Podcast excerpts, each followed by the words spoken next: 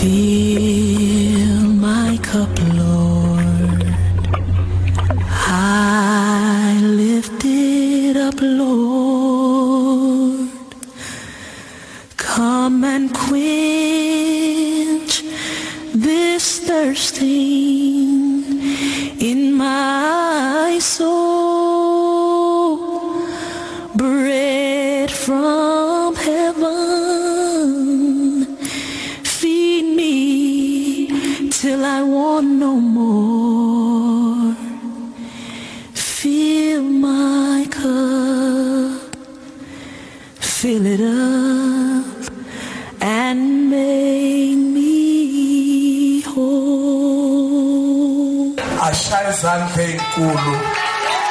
uNkulunkulu ophilayo egameni lika Jesu amen.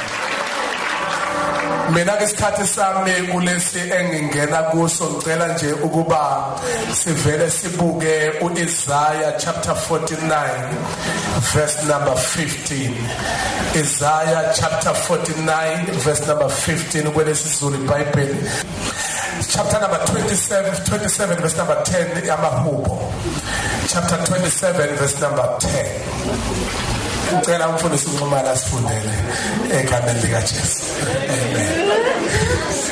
Haleluya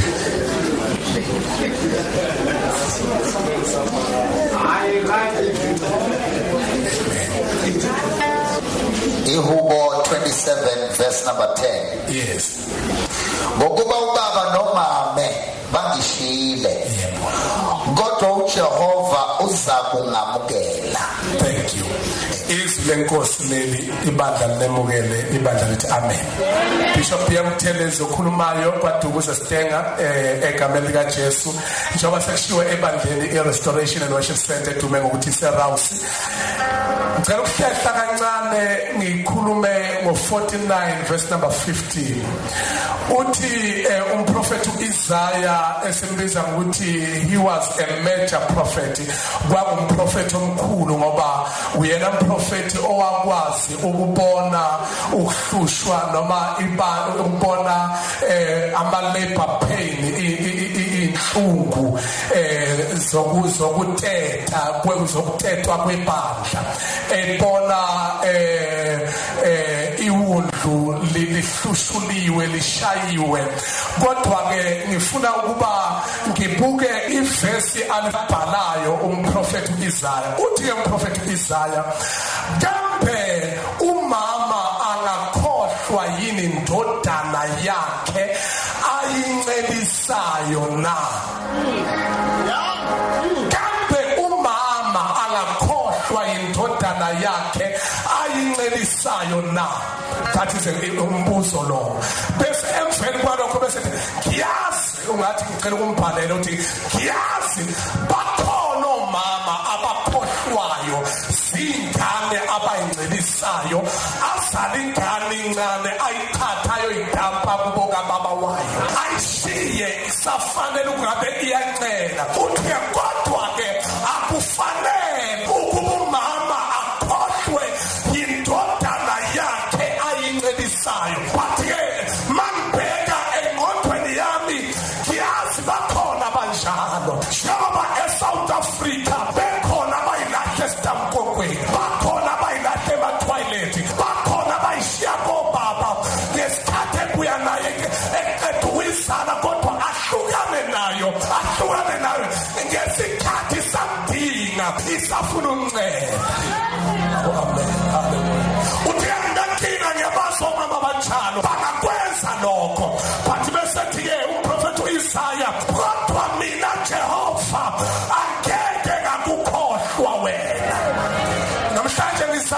ngizokhuluma leyo nto eSouth Africa ukuthi kunesizini yokuthi umntwana abe sesibelethweni.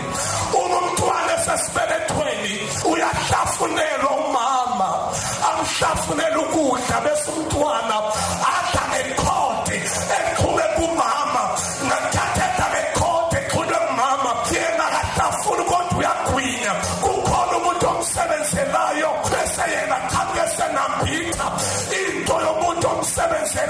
okuhlafuna ngoba yena enganawo amandla okuhlafuna kodwa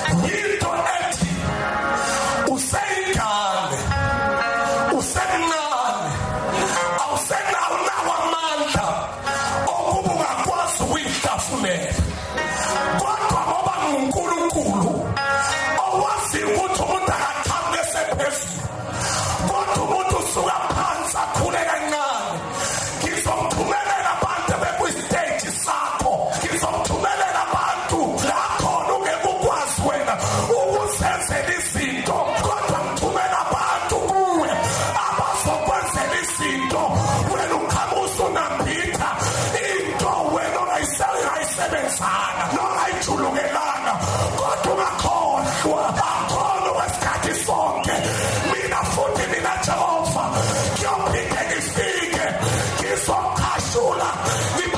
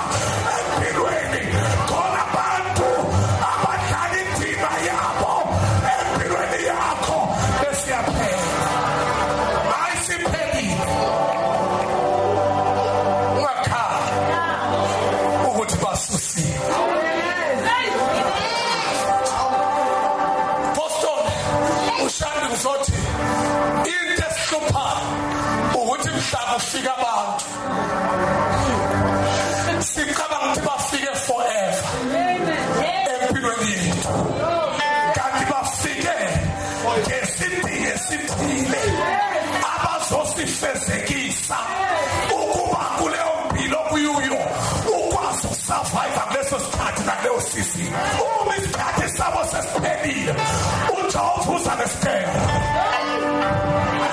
inkinga ke yethu uma ifike nesikelo siphatheka kabi.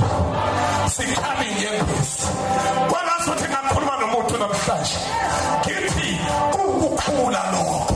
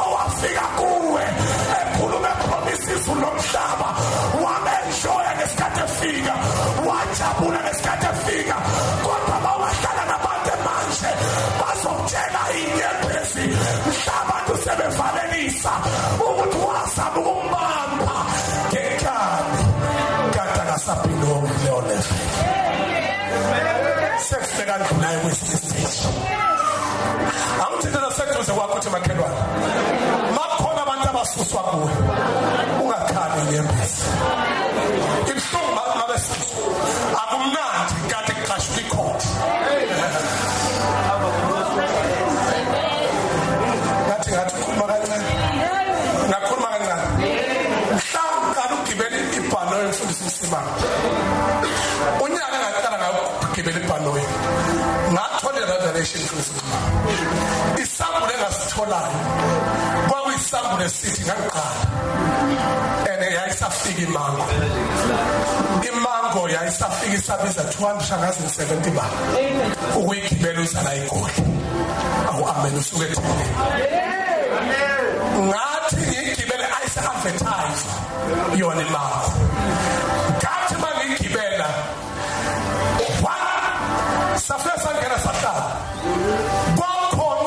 Usisters lo sisters lo bamulayini lamachaza ke lezinto abayichaza ukuthi siyazazi sonke bayichaza baqeda kwase bakhona umuntu okhulumayo kwabo ngesikhathi bechaza uyakhuluma lona. Wayesethi loya yonke into enama-device ngabe i-cellphone ngabe noma yini ngicela ukusishele off ngoba sesizophakama uma indizi iphakama mfundisi mncane kwangithusa ukuphakama kwayo ngoba kwaba khona umsinjwana owaba khona naseswini ngezwa mayisithi kwathi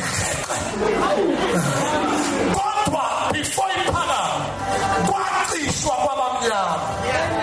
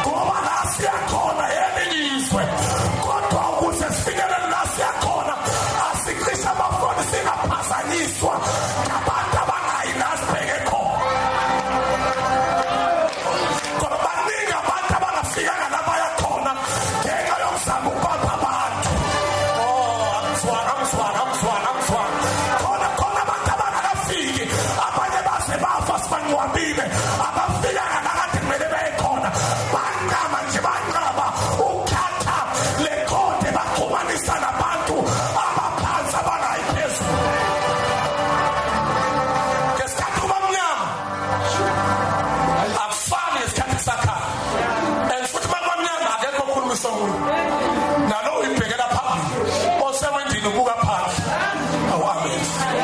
Laphana kwanomsindo owenzakalayo nesisi bathi heqa lithema seliphezulu ladlula amafu maseliphezulu kuqala ekhanyise kuqala kwathiwa hayi-ke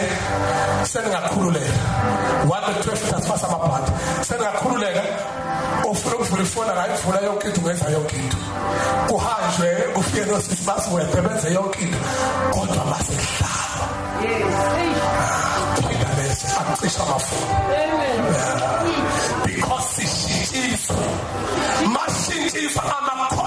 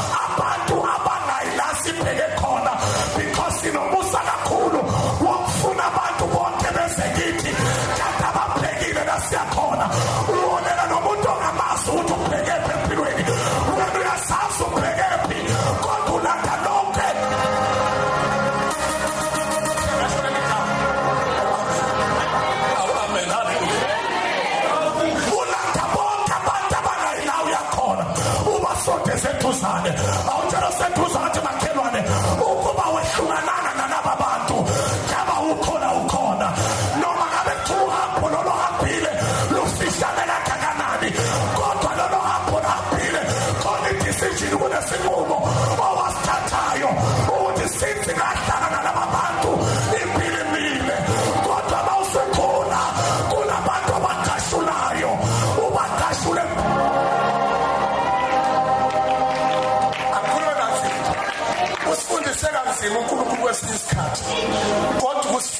kusenze saphila sasurvive into enza ukuthi sisurvive yile nto yokuthi sifundile.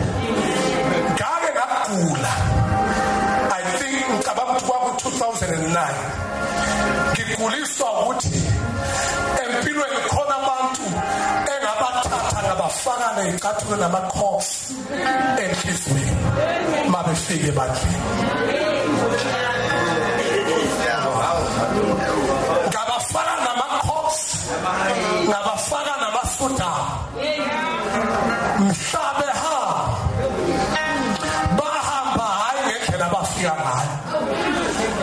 Ngicabanga ukuthi ngiyawuhlala nabo kuze beforever.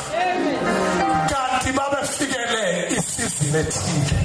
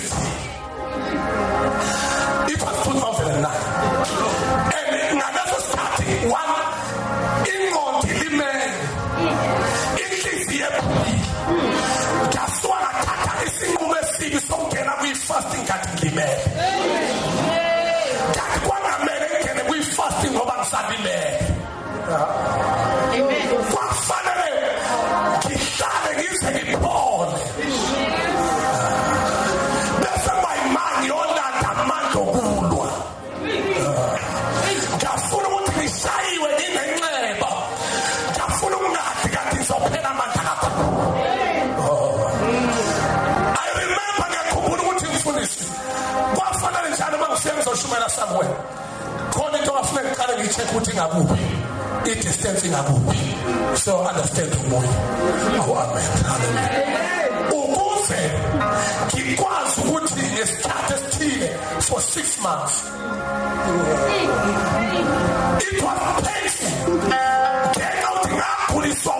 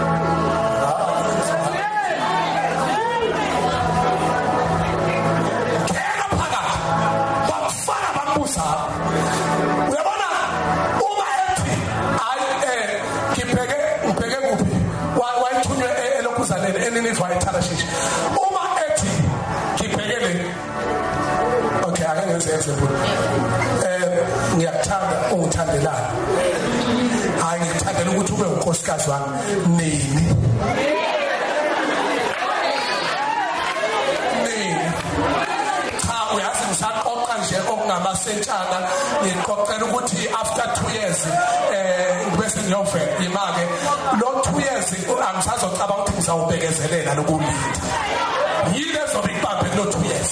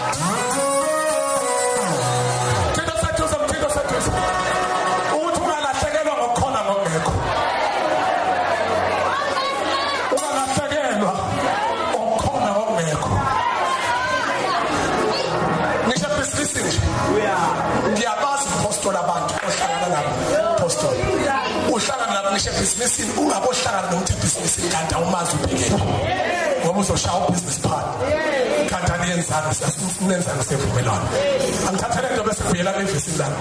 Awu amen.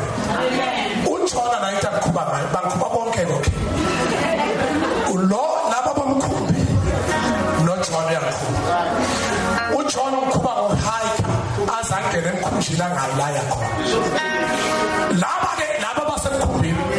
Umuntu ongayi lapha abaya khona. Nasi into ebuhlungu. Lo Jona ongayi lapha abaya khona ungena uyandlula uyela kwi-basement yomkhumbi wavela wafika lapha wafika umbhede khona walala. Hey baningi abantu ababelekisile empilweni yakho usafarisha wena. Babelekisile bafika empilweni yakho bavele bathola umthunzi wokuphumula wena ufukuzayo bona nje bathola umthunzi wokuphumula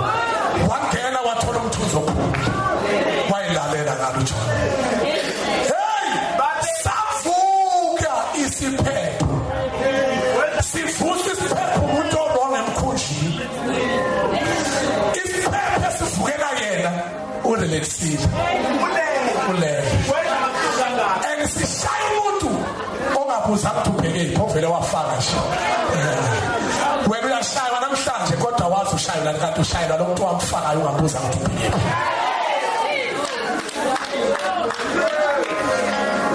ngiyathandaza ngithi manje. Awu amen.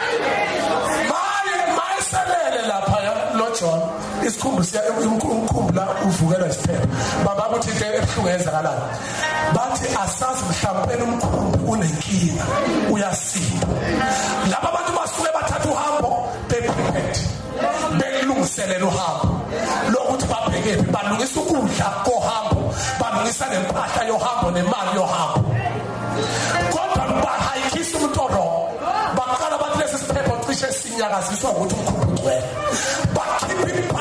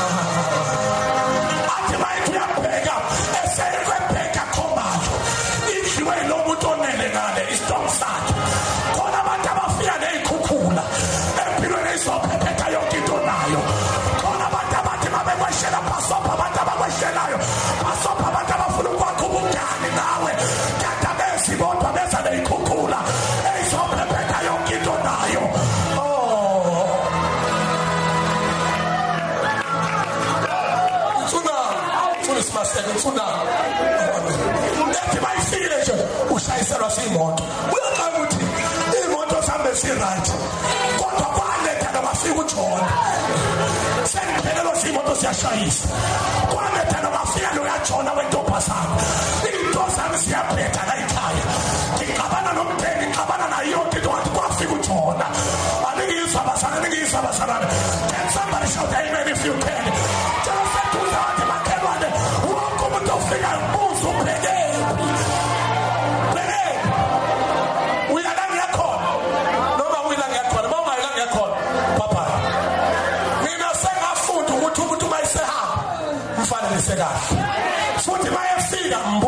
uzokwenza ezomphefumulo nentsha uNkulunkulu nomuntu omusha ukhonzi FM